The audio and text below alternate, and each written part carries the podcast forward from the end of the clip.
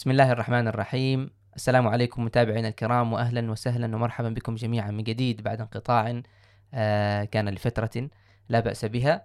اليوم بإذن الله عز وجل سنطوف مع عالم الإدارة مع المهندس أحمد بن صالح الراشدي الذي درس الهندسة في جامعة السلطان قابوس البكالوريوس ودرس الماجستير في جامعة كيرتن الأسترالية والآن يدرس الدكتوراه في علم الإدارة عمل في شركة في الشركة العمانية للغاز الطبيعي المسال وانتقل بعدها إلى شركة أوكيو وهو الآن الرئيس التنفيذي لمؤسسة الإمام جابر بن زيد الوقفية وعضو مجلس الإدارة فيها. فنناقشه حول قضايا الإدارة المتعلقة بالشخص نفسه ونركز أكثر حول تحديات إدارة المشاريع الخيرية لكونه رئيسا تنفيذيا لمؤسسة خيرية مؤسسة الإمام جابر بن زيد الوقفية. فأهلا وسهلا ومرحبا بك آه، مهندس. أهلا وسهلا بك أخي سلطان بارك الله فيك. هو حقيقة هناك مفارقة أنا كنت أفكر فيها.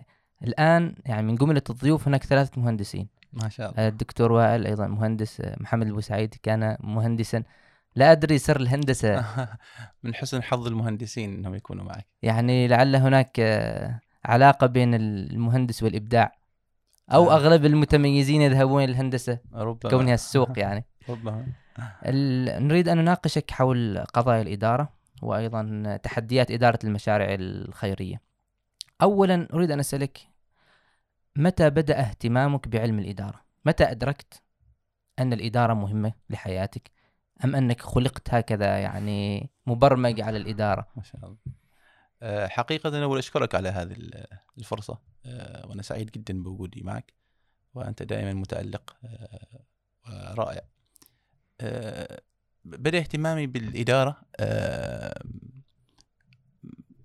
آه، كان عندي حب الإدارة آه، وكنت أجده يعني حتى ما آه، ما قبل التخرج من المرحلة الثانوية ولكن آه، بعد التخرج من الثانوية ودخولي مرحلة الجامعة كانت هناك فرصة سنحت لي أن آه، أن أكتشف هذا الجانب. آه، هي وجودي آه، في سكن خارجي خارج جامعة سلطان قابوس مع مجموعة من الشباب. وكان السكن فيه مجموعة أكثر من عشرة أشخاص وبطبيعة الحال محتاجين إلى إدارة. ورأوا أن أكون أنا مدير لهذاك ال- التجمع الشبابي. وكانت حقيقة مرحلة مهمة جدا. وبدأت فيها ألمس أهمية الإدارة وحبي للإدارة و آه، بدأنا في تشكيل لجان لجنة التغذية ولجنة ال- المالية والثقافة و- والنظافة ما و... شاء الله هذا ما سكن طلاب يعني اللجنة الثقافة شكلهم سياد فنية بالضبط كان يعني في فعلا كم كم عدد الأشخاص؟ آه، وصل 11 11 شخصا ما شاء الله. آه، أيوه و... والمبنى كبير حقيقة فيه يمكن أكثر من 10 غرف لكنه وبطبيعه الحال محتاج إلى إدارة ف لدينا موارد موجودة ولدينا احتياجات كذلك موجودة وعندنا أهداف نحققها فجميع الموجودين في هذا السكن هم آه، أتوا لأجل الدراسة. فالهدوء مثلا محتاجين انه توفير الغذاء وتوفير الخدمات الأخرى كانت آه، من الحاجات الأساسية. وحقيقة أنا بالنسبة لي آه، كانت تجربة جميلة جدا وإلى الآن يعني إحنا تجاوزنا تجاوزنا يمكن 15 سنة. أو آه، تجاوزنا ال 20 سنة يمضي الوقت بسرعة. إلى الآن أسمع ال- آه، يعني آه، ذكريات الشباب وذكرهم لتلك المواقف الجميلة. والإدارة المتألقة. ال- كان في هذا التجمع الشبابي هل بدأتم بالإدارة؟ آه، أو بدأتم أولا بشكل عشوائي وبعد ذلك أدركتم أنه لابد لنا من إدارة وتقسيم أعمال وثم بعد ذلك وضعتم هذه الإدارة. آه، جميل جدا. حقيقة إحنا بدأنا بالإدارة وبدأنا بالإدارة باختيار الأعضاء فكانوا جميع أعضاء السكن تم اختيارهم بعناية آه، لأنك أنت هم الأشخاص الذي تديرهم يعني. فمن مهم جدا أن يكون عندك أشخاص آه، تعرفهم عن قرب وتعرف بعض بعض عن خلف عن شخصيتهم. أي نعم. بعد ذلك ذهبت إلى سلك العمل. بعد ذلك نعم آه، حصلت على فرصة آه، للعمل في شركة العمانية للغاز الطبيعي المسال. والعمل كان في القطاع الهندسي البحت ولكن بطبيعة عملي كنت أدير مجموعة من الشباب.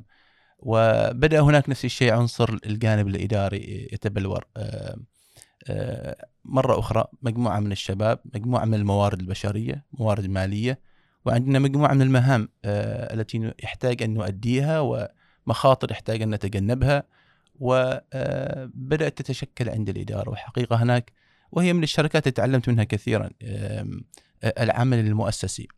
وبدأ يظهر الجانب المالي كذلك آه، والاهتمام بالجانب المالي وهو نفس الشيء لامس شغفي حقيقة. بعد ذلك آه، دخلت دورات في الإدارة أو قمت تقرأ بنفسك تسمع آه، محاضرات معينة؟ نعم هو حقيقة الاثنين. يعني كانت فترة بحكم وجودي في شركة دخلت في دورات متعددة في الإدارة و- وفي المالية كذلك. المالية لغير الماليين مثلا أحد الدورات الجميلة جدا. والقراءة ولكن آه، أكثر من هذا التطبيق. فالتطبيق مهم جدا آه، وكان له دور أكبر في آه، معنى هذا أنك تمارس الإدارة في حياتك الشخصية. نعم. في إدارة آه، شؤون حياتك آه، الأسرية أي أو الأسرية أو آه، الشخصية الفردية. أيوة. نعم أنا حقيقة لو نظرت للإدارة هي مرة أخرى. هي عندك أنت مجموعة من الموارد تدير أن تحقق مج- مجموعة من الأهداف. فسواء كنت على الشخص المستوى الشخصي أو المستوى الفني فالإدارة تحتاج إليها وتحتاج أن تربطها ب... ب... بأوقات محددة وبوجهات معينة.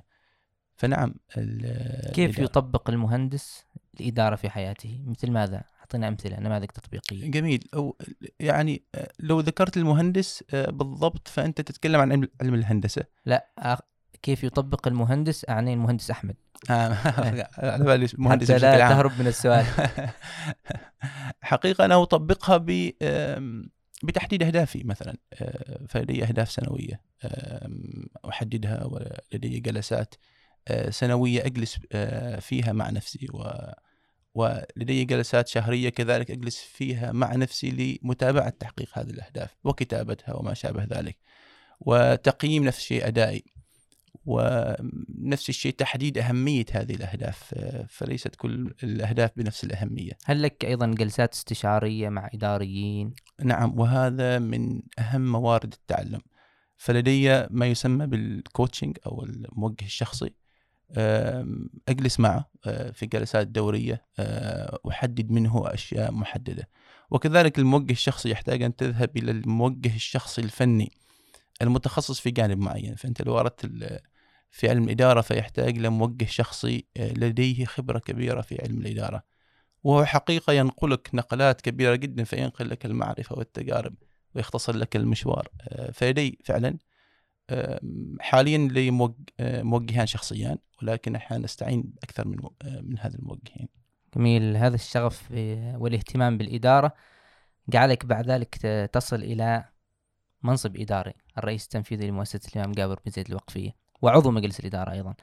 آه الآن أسألك حول قضايا إدارة المشاريع الخيرية. ما هي أكبر تحديات إدارة المشاريع الخيرية الذي التي آه يراها المهندس أحمد الراشدي. أه، سؤال جميل حقيقة لكن أنا أرى قبل هذا أن نسأل لماذا العمل المؤسسي؟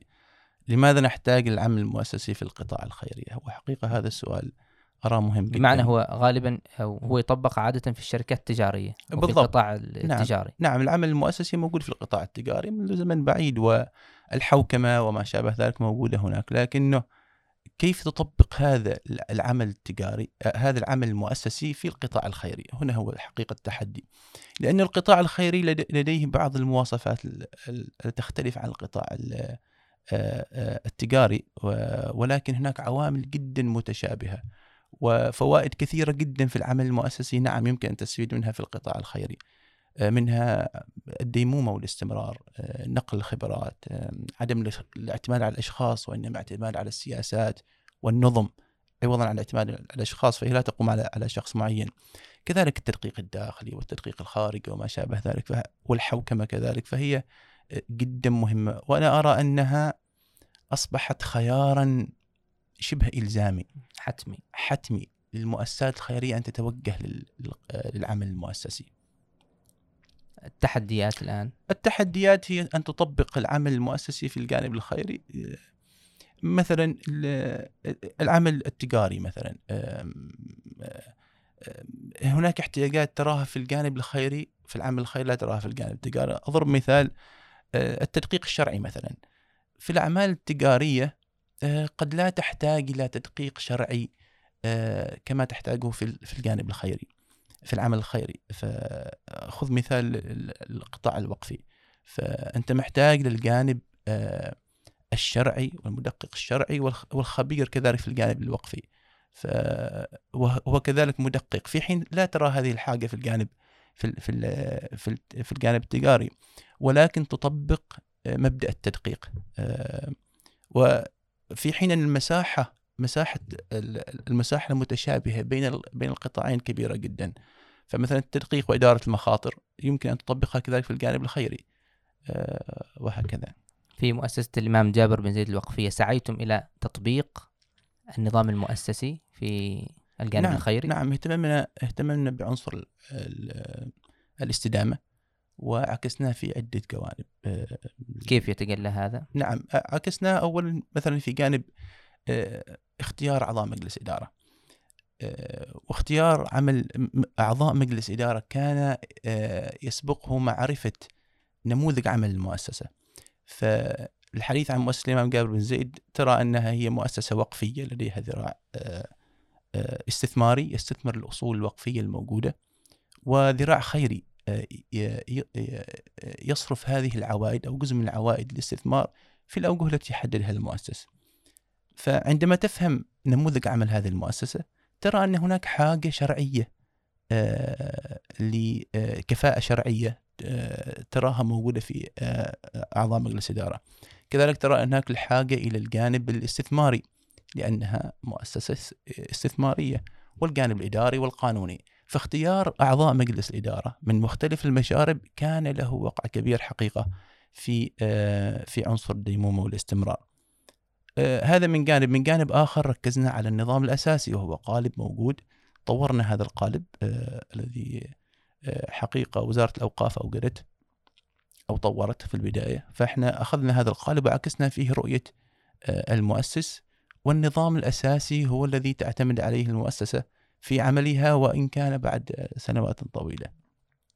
عكسنا كذلك جانب العنصر الاستدامة والاستمرار. في الشراكة فأطلقنا الشراكة الوقفية. ورأينا أن الشراكة آه، هي من أحد أهم العناصر للديموم والاستمرار. بمعنى آخر أن إذا كان المجتمع سواء كان القطاع الخيري أو القطاع سواء القطاع الحكومي أو القطاع الخاص مستمر في الشراكة مع المؤسسة فهذا عنصر دائم. فلو أتينا مثلا بعد مئة عام ورأينا لا زال الناس المجتمع والقطاع الوقفي والقطاع الحكومي أو القطاع الخاص يشارك المؤسسة فالمؤسسة لا زالت باقية عكستم إذا التنظير الإداري في أو نعم. الجانب المؤسسي الذي ربما تأخذه كثير من الشركات التجارية في نعم. عمل نعم. خيري نعم. السؤال الآن كثيرا ما يرتبط ذكر آه، الخطة أو التخطيط بالإدارة. نعم. ما علاقة الخطة بالإدارة؟ هل هي نعم. من أساسياتها؟ نعم. إذا تسمح لي أرجع للسؤال آه، السابق. أنا آه، أريد أن نوضح لنقطة جالسين جالسين. لنقطة مهمة كذلك في العمل المؤسسي. اهتممنا حقيقة ب بعنصر التدقيق وإدارة المخاطر. فتشكيل مجلس الإدارة بطريقة يضمن لها الاستقلالية والاستدامة. بمعنى أن آه، وجود مجلس إدارة ينبثق منه آه، إدارة تنفيذية وحقيقة كلفت وشرفت كذلك بترأس هذه الإدارة التنفيذية. تنبثق هناك لجان أخرى من مجلس الإدارة وهي بنفس مستوى وهذا مهم جدا هي بنفس مستوى الإدارة التنفيذية. فتوجد لجنة التدقيق وإدارة المخاطر مثلا. آه، وجود هذه هذه اللجنة مهم هام جدا لأنه هو الذي يتأكد أن الإدارة التنفيذية تعمل حسب سياسات المؤسسة. وكذلك اختيار أعضاء هذه اللجنة. فكان هناك أعضاء آه، مستقلين. ليس لهم علاقة بالمؤسسة آه، عضوان مستقلان وعضوان داخل عضوان غير مستقلان. وهم شخصان من آه، أعضاء مجلس إدارة. وهذا له أهمية كبيرة جدا. من حيث أنه فيها استقلالية من ناحية ومن ناحية أخرى هي نفس مستوى الإدارة التنفيذية. ف لا يوجد تضارب لا يوجد هناك مساحة لتأثير الإدارة التنفيذية على هذه اللجنة.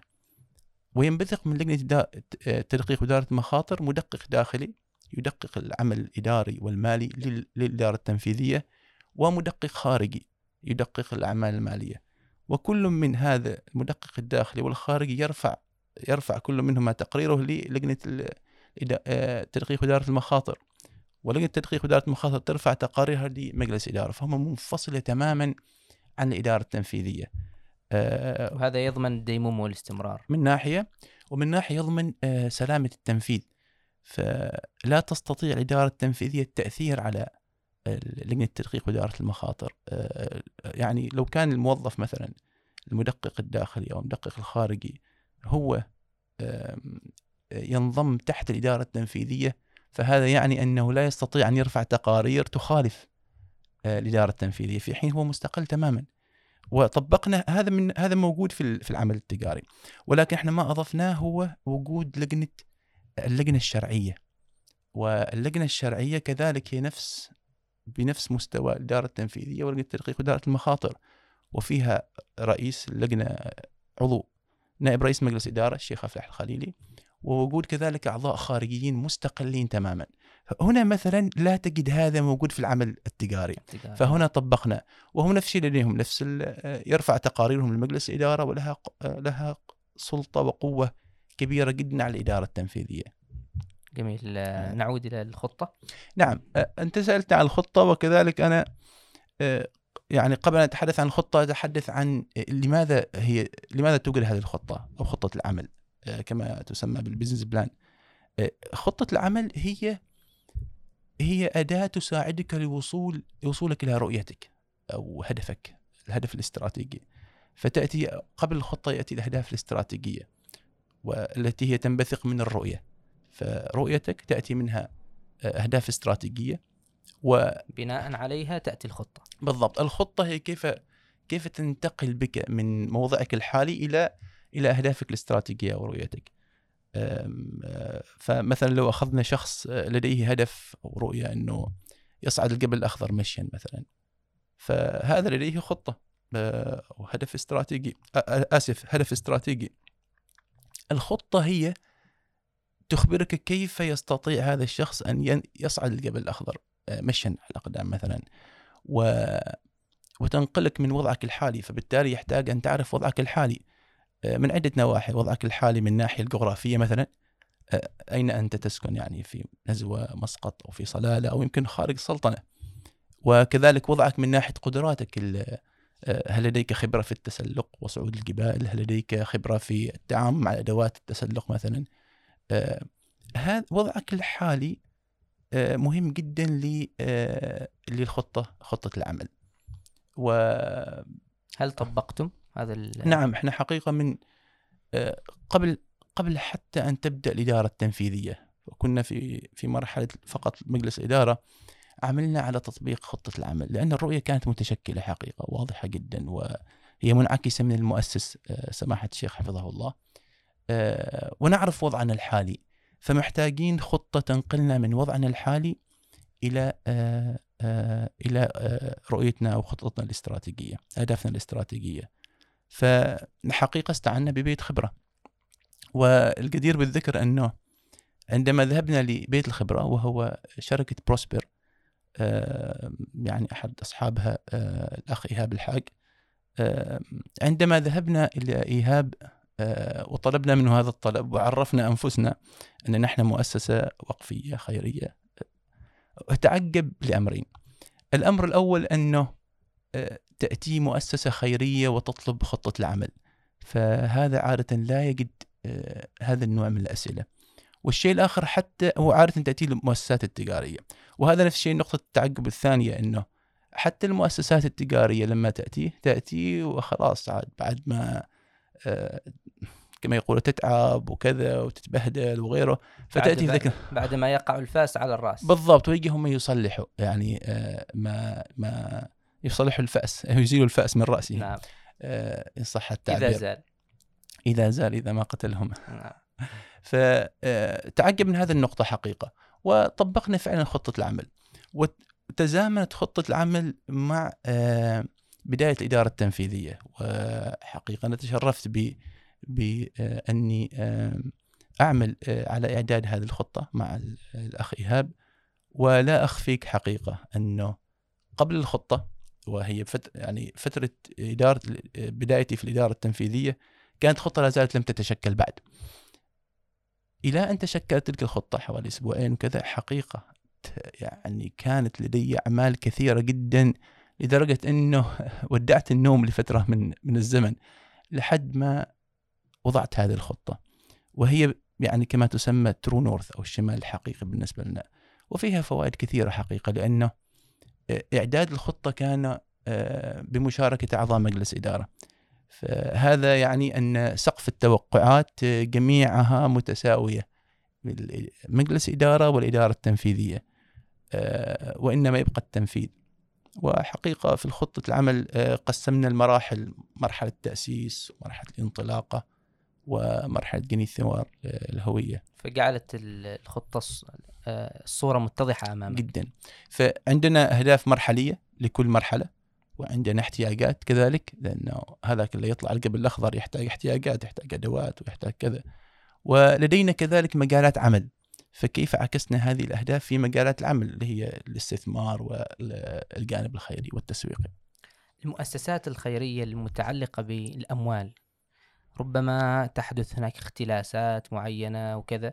كيف تضمن هذه المؤسسات عدم وجود هذا الفساد المالي؟ نعم. أنا حقيقة يعني هذا من النقاط المهمة جدا. وأنا ما يعني قد يكون هناك اختلاس مالي متعمد ولكن أنا أرى يعني هناك أكثر من هذا. هناك هناك ما اختلاس ولكن ضياع للجانب المالي بسبب عدم بسبب حسن الظن مثلا أو يوجد لديك شخص أمين ولكنه غير قوي في هذا الجانب غير قوي في الجانب المالي. الجانب المالي لا يعني أنه أخذ الأموال إلى إلى إلى محفظته ما معناته هذا سرق أو هذه سرقة ولكن قد يكون وضع الأموال في غير محلها. فمثلا الخلط بين المصاريف التشغيلية والمصاريف الرأسمالية هذه فيها دلالات آه، خطيرة جدا. فقد يضخم آه، الشخص آه، الاستثمار الراسمالي في حين هو هي تلك مصاريف راسماليه آه، هو في الحقيقة لم يأخذ شيء من الأموال ولكن وضعها في غير محلها وهذا مهم جدا. وقد يكون هناك شيء أخذ الأموال كذلك. وجود كما أشرت سابقا المدقق الخارجي هذا يعطي آه، مساحة كبيرة جدا من من الثقة سواء كان للإدارة العليا وكذلك للجهات المستفيدة. فعندما نتحدث مؤسسة الإمام جابر بن زيد عندما يعرف الواقف أن الأموال التي يحولها هي مدققة من مدقق مالي خارجي مستقل وكذلك مدققة مدققة من مدقق مالي آه، أو مدقق إداري آه، داخلي يدقق الجانب الإداري والمالي آه، تعطيه مساحة كبيرة من من من الأمن من من من الثقة. من الثقة. وكذلك عندما يعرف أن هذه الأموال تصرف حسب الجانب الشرعي فهناك لجنة شرعية تدقق جميع المعاملات الشرعية المعاملات هذه المالية للمؤسسة فتعطي كذلك مساحة كبيرة من الثقة. فمعنى هذا أنك تنصح المؤسسات الخيرية أن يكون لها جانب رقابي. نعم. سواء أه. تعلق بالمحاسبة المالية نعم. أو بالتدقيق الشرعي. بالضبط. وكذلك أنا أرى نفس الشيء هذه مهمة لي للإدارة التنفيذية نفسها للشخص القائم بالعمل. لأنه يعني أنت تظن نفسك أنك أنت عملت عمل جيد ولكن قد تكون لن العمل الذي عملته ليس جيدا. معي فبالتالي وجود المدقق الخارجي يعطيك شخص آخر كذلك.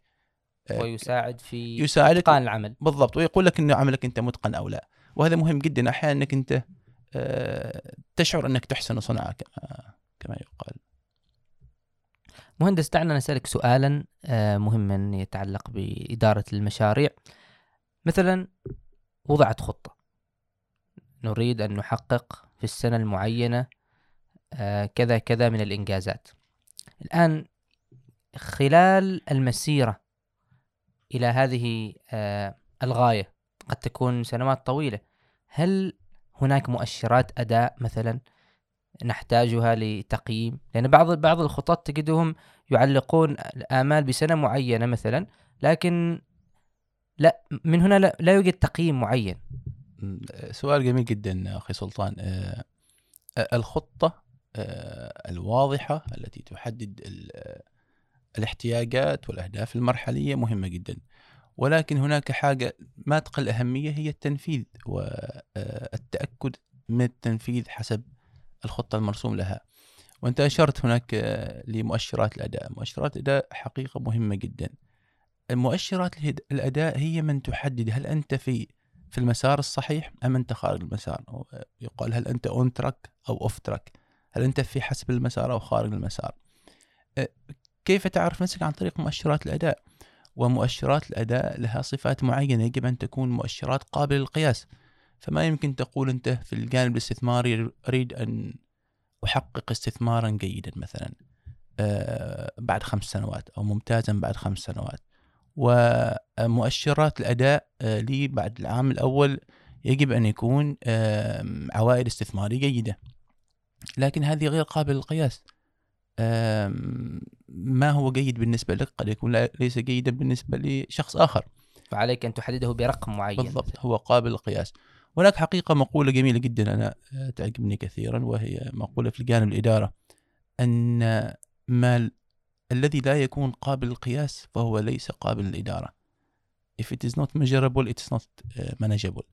فإن لم تستطع قياسه فلا تستطيع إدارته. أنت لا لا تقيس شيء فكيف تديره؟ آه، مؤشرات الأداء فعلا مهمة جدا ومؤشرات الأداء تكون آه، في مختلف الجوانب لا يكفي جانب واحد. وحقيقة مؤشرات الأداء يجب أن تراقب من جانب التدقيق وإدارة المخاطر مثلا. يجب أن تكون هناك جهة أخرى تتأكد أنك فعلا أنت حققت ما تريد تحقيقه. آه، وحقيقة هذا إحنا جعلناها واضحة جدا في مؤسسة الإمام بن زيد وهي منبثقة من الخطة خطة العمل. فمثلا بالنسبة لنا المرحلة الأولى هي مرحلة التأسيس. فمرحلة التأسيس وضعنا أهداف محددة وقابل للقياس. فمثلا سياسة العطاء. لوائح لجميع اللجان التي تعمل التي تساعد مجلس الإدارة في عمله. وكذلك إطلاق حملة إعلامية آه، مثلا آه، إطلاق ثلاث إلى أربع دورات في في أحكام الوقف فهي قابلة للقياس. فأنت تعرف نفسك نعم حققتها أم لم أحققها. آه، مؤشرات الأداء ترتبط بالزمن. نعم. هل الزمن عنصر أساسي في الإدارة. نعم سؤال جدا جميل أيضا. الزمن مهم جدا في الإدارة. وحقيقة مهم جدا في الإنتاج. أنا مثلا يمكن أضرب لك مثال آه، آه، درسنا في آه، يدرس في علم الفيزياء وكذلك في علم الهندسة. الطاقة. تعرف الطاقة هي المقدرة على بذل جهد أو بذل شغل. ولكن إذا دخل أدخلنا عنصر الزمن في هذا التعريف يتحول التعريف لشيء مهم جدا وهو القدرة. القدرة هي المقدرة على إنتاج شيء محدد في زمن معين. فمثلا خذ آه، مثال مصنع من المصانع ينتج مثلا آه، وحدة معينة 100 وحدة في الشهر. في حين أن مصنع آخر ينتج 200 آه، 200 وحدة في هذا الشهر في نفس المدة. فتعرف أنه هذا الشهر هذا المصنع إنتاجيته أضعاف ضعف إنتاجية المصنع الأول. لماذا؟ لأنك ربطته بعامل الوقت. خذ مثال آخر كذلك العوائد المالية. مؤسسة عوائدها المالية مليون سنويا ومؤسسة أخرى عوائدها المالية مليونان أو مليونين سنويا. فتعرف أنه عامل الوقت أعطاك آه، محددات قيمة, قيمة وكذلك عرفت قدرة هذه آه، المؤسسة. لنفترض أن مجموعة من الأشخاص أرادوا إنشاء مؤسسة معينة. ما الأشياء المهمة التي يحتاجون إليها حتى يطلق على عملهم أنه عمل مؤسسي ويؤمل لهم النجاح؟ آه، نعم جميل جدا. آه، أنا يمكن أستعين بأحد آه، الباحثين وهو حقيقة رائد أعمال أمريكي. أنشأ كثير من المؤسسات والشركات وهو يعترف أنه فشل في كثير منها ونجحت كثير منها وهو يعني صاحب ثروة كبيرة جدا. ولكن الجميل في هذا الأمر عمل دراسة حدد فيها أركان العمل سواء العمل المؤسسي سواء كان تجاري أو غير ربحي خيري آه، جميع الأعمال. آه، حدد أركان خمسة يجب أن تتوفر في هذا العمل. آه، بحيث أنه غياب أحد هذه الأركان آه، يسقط هذا العمل. فذكر من تلك الأركان آه، وجود الفكرة. فلكل مؤسسة مثل ما قلنا سواء خيرية أو غيره يجب أن تكون هناك فكرة لماذا هذه المؤسسة ماذا تريد هذه المؤسسة المؤسسة وتعكس كذلك في في الرؤية حديثا يمكن تطلق عليها الرؤية وما شابه ذلك. فالفكرة هي أحد الأركان وكذلك ذكر الركن الثاني نموذج العمل أو ال business plan. فنموذج العمل هو من يحدد كيف تطبق هذه الفكرة. ف آه، يعني فيه الخطة. فيه الخطة ولكن مثلا لو كانت الفكرة هي آه، تقديم خدمة أو تقديم منتج فكيف يكون تقديم هذا المنتج؟ آه، كم سعر البيع؟ كم سعر التكلفة؟ من هم الشريحة المستهدفة؟ كيف يكون التسويق وما شابه ذلك؟ هذا يندرج في خطة العمل. فمهما كانت الفكرة جيدة جدا وممتازة لكن لو كان نموذج العمل آه، آه، فاشل فلن تستطيع قيام هذه آه، المؤسسة أو هذا العمل سواء تجاري أو غيره. ذكر كذلك العنصر الثالث فريق العمل. ففريق العمل كذلك عنصر هام جدا في في العمل المؤسسي. وذكر الدعم المالي وأخيرا ذكر التوقيت. ويعني متى أطلق هذا العمل؟ و... ويقصد بالتوقيت أنه مثل ما أسلفت متى متى أطلقت؟ يمكن أنا أضرب مثال يتضح الحال كما يقال. خذ مثلا شركة أرادت أن تعمل نفس منتج نوكيا هاتف نوكيا. فالفكرة موجودة ويمكن أن تأخذ نموذج عمل شركة نوكيا سابقا ويمكن أن تحصل على دعم مالي. وفريق عمل كذلك ولكن التوقيت خطأ. فلو أتت الآن وحاولت أن تصنع منتج نوكيا لن تجد نجاحا. آه، ولكن ليس بالضرورة أن تكون شركة آه، آه، قديمة. يعني يمكن الآن خذ مثلا شركة أبل. لو أرادت شركة الآن أن تنتج آيفون بس بمسمى آخر أخذت نفس الفكرة نفس فريق العمل الدعم المالي آه، نموذج العمل ولكن سبقتها شركة أخرى. فما يمكن أن تستحوذ لي كما يقال آه، للحصة السوقية لأنه خلاص موجودة شركة وأخذت هذه الحصة السوقية. والجميل في الأمر هو في دراسته آه، رتب هذه الأركان من حيث الأهمية وكان أهم عنصر بالنسبة له التوقيت. فالتوقيت مهم جدا وكان آخر عنصر من حيث الأهمية هو الدعم المالي. على اعتبار الدعم المالي يأتي يعني متى ما وجدت الفرصة ومتى ما وجدت الفكرة والعناصر الأخرى. ولو أني حقيقة بالنسبة إليك هل توافق أنا, حق أنا حقيقة أتفق مع هذه الأركان وأنها جدا آه، هامة. ولكن أختلف في الترتيب. أنا أرى عناصر أنا أرى فريق العمل هم يأتي في, في الأهمية القصوى. وذلك أنا حريص جدا في اختيار آه، فريق العمل آه، آه، في في المؤسسة مثلا وكذلك في الأعمال الأخرى التي يعملها خارج المؤسسة. كيف تختار فريق العمل؟ سؤال جميل جدا. فريق العمل أنا بالنسبة لي يعني لأي شخص أو عضو في العمل يعني عندي عنصران مهمان جدا يعني بدون أحدهما ما يمكن الشخص يكون بالنسبة لي عنصر في فريق العمل. والعنصر الأول هو الشغف والعنصر الثاني القدرة على التعلم. آه، فإذا كان الشخص يحب ما يعمل ولديه قدرة أن يتعلم ما يعمله فأنا بالنسبة لي هذا هو هذا هو الشخص المناسب. لماذا فريق العمل بالنسبة لي أهم شيء؟ لأن فريق العمل آه، يمكن هو يؤثر بالفكرة لو كانت الفكرة ما مناسبة أو ما يمكن يعيد صياغة الفكرة أو يمكن يعيد تطوير آه، آه، يعيد تطوير نموذج العمل آه، ويمكن هو يطلب الدعم المالي ويمكن هو يختار التوقيت المناسب جدا. فبالنسبة لي فريق العمل نعم هم من أهم الأركان. ومعيار الاختيار الأساسي هو الشغف والقدرة, والقدرة على التعلم. لأنك قد تحصل على شخص لديه شغف في العمل الخيري و يحب الجانب المالي لكن ليس لديه قدرة في التعلم الجانب المالي. ف والناس لديهم قدرات مختلفة تتفاوت قدراتهم. فهذا شغفه لا ينفعك كما يقال يعني. آه، في حين قد تجد شخص لديه قدرة كبيرة جدا للتعلم آه، ولكنه لي ما عنده الشغف في ذاك الجانب. كيف يعرف الإنسان الشغف؟ جميل جدا. يقال أنك أنت تعرف شغفك لو كنت تعمل شيء معين وتعمل فيه بدون أن تشعر بالتعب وبدون أن تنظر إلى الساعة. كم مضى من الوقت الذي عمل فيه؟ فأنت أنت وصلت إلى شغفك. وحقيقة هذه من الأسئلة المهمة جدا آه، أنا في وجهة نظري أنه آه، كل شاب يجب أن يسأل نفسه هذا السؤال. ما هو شغفي؟ آه، ماذا أحب؟ اكتشف نفسك.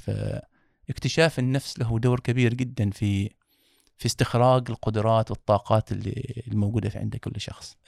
والحقيقة يمكن من من الجدير بالذكر وإيماني بأهمية اكتشاف القدرات والمواهب والشغف. أطلقنا مؤخرا في العائلة الصغيرة.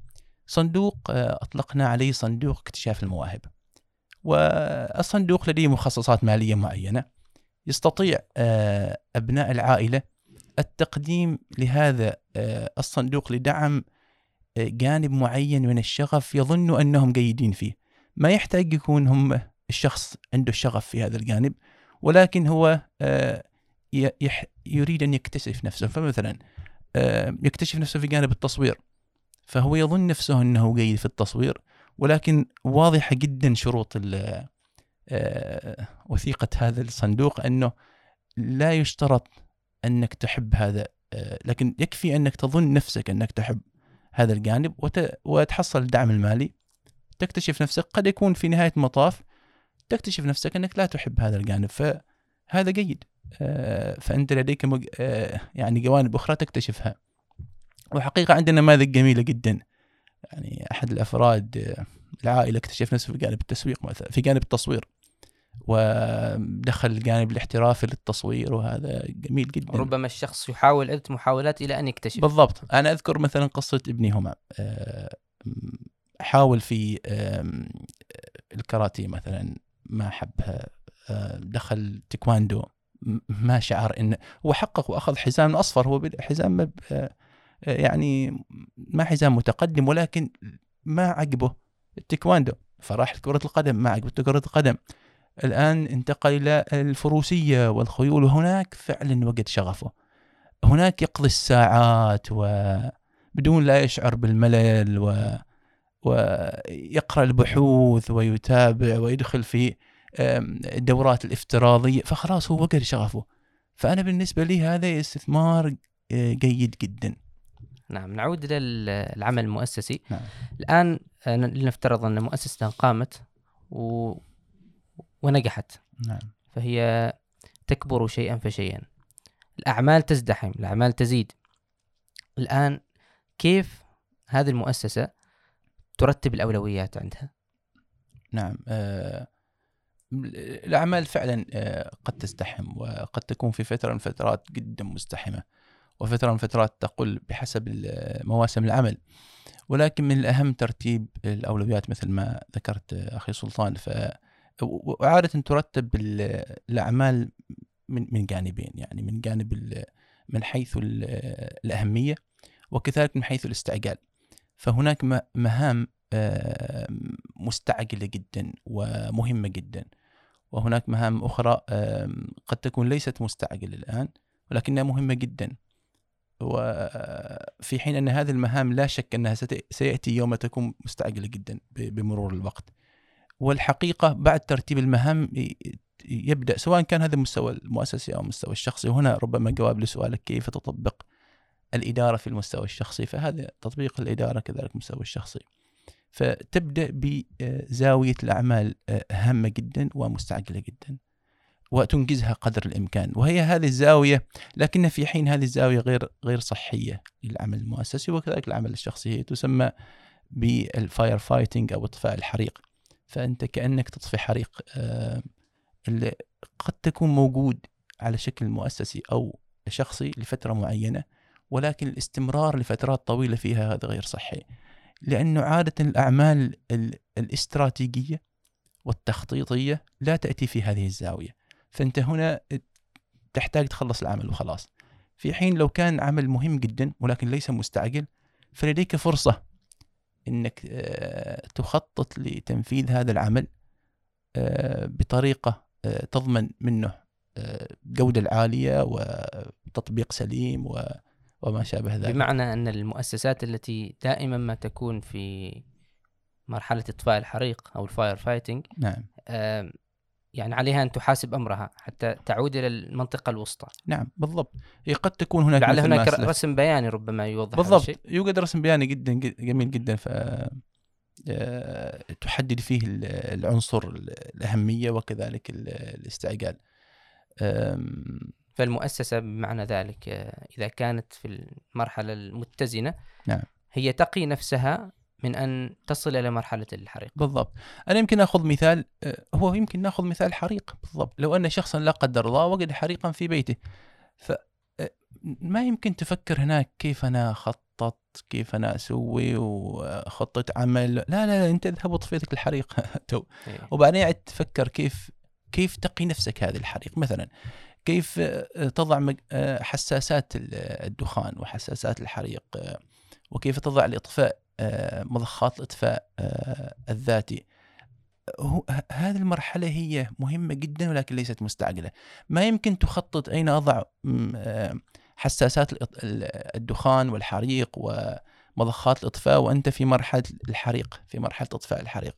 فهذه الفترة تركز فقط في إطفاء الحريق. نعم. ولكن لو لو قضيت حياتك كلها تطفي حريق فأنت ما جالس ما يمكن يوم من الأيام تجد وقت آه، تخطط. تتطور أكثر. تطور نفسك وت... و... هذه هي النقطة. بعضهم المهندس يعني بعضهم يرى بأن المؤسسات الخيرية أو تطبيق الجانب الإداري في المؤسسات الخيرية آه، يجعلها بعيدة عن مشاركة الناس عن سهولة مشاركة الناس. بمعنى أن الجانب الإداري يعقد الموضوع. فما رأيك بهذا الشيء؟ أنا حقيقة لا أتفق لأنه ال- الجانب الإداري هو ينعكس في سياسات وآليات عمل. آه، هذه السياسات وآليات العمل الأصل أنها تخدم المؤسسة وتخدم الفئة المستفيدة والمستهدفة واللي هم يسمى المعنيين أو ستيك هولدرز فالمعنيين سواء كانوا آه، مثلا في مثال المؤسسة الواقفين أو آه، مثلا المستفيدين من من عوائد الأوقاف. فجميع السياسات والآليات الأصل أن تخدم هذه المعنيين. لو فعلا وصلنا لمرحلة التعقيد فهنا خطأ في السياسة نفسها وهنا يأتي دور فريق العمل. يأتي فريق العمل في تطوير هذه السياسة وتحسينها و مثلا سياسة استقبال طلبات الوقف المؤسسة فتأتينا طلبات حقيقة كثيرة الواقفين يريدوا أن يقفوا أصول سواء كانت أراضي أو عقار سكني أو تجارة وما شابه ذلك. آه، الأصل أن طورنا آه، استمارة. يجب أن يكون هناك شيء استمارة لاستقبال هذا الطلب. آه، في سياسة الاستقبال الطلب آه، يعني يحتاج تقييم لهذا آه، هنا يأتي العامل آه، آه، مهم جدا وهو عامل تضارب المصالح. يجب أن تحدد تضارب المصالح. فمثلا لا يمكن للإدارة التنفيذية أن تقيم هذا الأصل بنفسها. هو يمكن أصل قيمته مئة ألف فما يمكن تخليه مئتين ألف أو خمسمائة ألف. وهنا هنا مساحة كبيرة جدا من من من مصلحة تضارب المصالح. فمن مصلحة الإدارة التنفيذية أن ترفع قيمة الأصل. لماذا؟ لأنه, لأنه بالتالي يرتفع آه، رأس مال المؤسسة بالكامل. فالإدارة التنفيذية تقول لمجلس إدارة أنا رفعت آه، رأس المال آه، بدرجات كبيرة جدا. حتى يظن أنها ناجحة يعني. بالضبط. ولكن هنا مثلا حرصنا حرصا شديدا إنه يكون آه، آه، مثمن خارجي هو طرف ثالث. يأتي يزور هذا يزور جميع الأصول آه، يأخذ بيانات المالية والفنية ويأتي نفسه بقيمة السوقيه له. الأصل ان هذه العملية لا تؤخر لا ت... لا تؤخر مثلا جانب لا تعقد الموضوع. لا تعقده ولا تؤخره. لكن لو حدث وأخرته أو عقدته يحتاج النظر وفيها فيها تسهيل وهنا ما يسمى بهندسة الإجراءات. هذا يجرنا إلى سؤال مطروح وهو هل نمور المؤسسات الخيرية قابلة للإبداع؟ هل هناك مجال للإبداع؟ نعم. أو هي يعني مثلا أوقاف نعم. موجودة من فترة نعم. زمنية فقط الأمور تتكرر؟ نعم. أنا أرى أن مساحة الإبداع دائما موجودة. أ، كون ننقل عمل الخيري إلى أ، عمل مؤسسي هذا إبداع أم، التسويق مثلا جانب التسويق جانب مهم جدا وجانب الإبداع مهم جدا فيه. و و- والأصل أنه لا يتعارض مع العمل المؤسسي. نأخذ مثلا في أ، أطلقنا مؤخرا في المؤسسة الإمام قارب بن زيد جانب تسويق وأنا أرى أنه إبداعي. آم، آه، أطلقنا منصة آه، إلكترونية لاستقبال السهم الوقف الخيري. وأنا فيما أعلم أن نحن أول مؤسسة في السلطنة نطلق هذه المنصة. آه، المنصة تستطيع استقبال الأسهم الوقفية التي تخدم آه، باكورة استثمارات المؤسسة آه، بشكل تلقائي يدخل الواقف آه، ويحدد عدد الأسهم التي يريد أن يقفها وهي دفعت بطريقة تلقائية وتأتي رسالة آه، نصية أنها أن المؤسسة استلمت آه، هذه عدد آه، عدد الأسهم وقيمتها. بل يستطيع أن يهدي هذه هذه الأسهم فيستطيع أن يهدي آه، سهما وقفيا آه، لأحد أقاربه آه، لأمه أبيه أو أصدقائه. وكذلك تأتي آه، المهدى تأتيه رسالة نصية. وحقيقة هذا جانب كبير جدا من الإبداع. وهذه الأفكار الإبداعية هل وجدت قبولا عند الناس؟ آه الحمد لله وجدت قبولا جدا. يعني إحنا عندنا إحصائية في منذ أن أطلقنا المشروع آه في آه آه مدة شهرين تقريبا. آه الأموال التي تدفقت من السهم الوقفي آه بلغت 170 ألف ريال عماني ما شاء الله. وهي 10% من قيمة الاستث... الر- القيمه الاستثمارية أو رأس المال الاستثماري لهذا المشروع. الجميل في الأمر أن آه، 54% من الأموال التي تدفقت إلى هذا المشروع جاءت عن طريق هذه المنصة. وهي منصة حديثة جدا. فاكثر من 90 ألف أتت من عن طريق هذه المنصة وهي في النهاية هي فكرة إبداعية آه، احتاجت إلى تنفيذ بطبيعة الحال. والناس تحب الشيء الجديد بالضبط وفي. الجانب التسويقي آه، يحب أن يرى ال- المستفيد أو المساهم الذي أسهم في آه، في هذا الجانب أن يرى أثر هذا الاسهام وقد يرى أثره في رسالة نصية أو في آه، يبعثها. فهذا نموذج واحد للإبداع. آه، وكما ذكرت لك سابقا آه، الأصل أن تحويل العمل آه، الخيري في القالب مؤسسي هذا يحتاج إلى مساحة كبيرة من الإبداع. شكرا جزيلا المهندس أحمد. عفوا. على ما أفضت وجدت وحقيقة كانت جلسة مفيدة. جزاك وعسى أن نرتب أوراقنا الإدارية في. عوالم يعني ونحولها إلى ما شاء الله. آه، مؤسسة. ونتوجه بالشكر الجزيل والامتنان لك على يعني وقتك أكيد أنت إنسان مشغول وكذا وأظن أيضا أنك مطور عقاري في نعم. الوقت نفسه. آه، أنا كذلك أهتم بالتطوير العقاري و... ولي أعمال أخرى أنا آه، أهتم بها. ما شاء الله. فنشكرك آه، جزيل الشكر ونقول للمتابعين لنا لقاء آخر مع عالم آخر بإذن الله عز وجل. شكرا جزيلا لكم.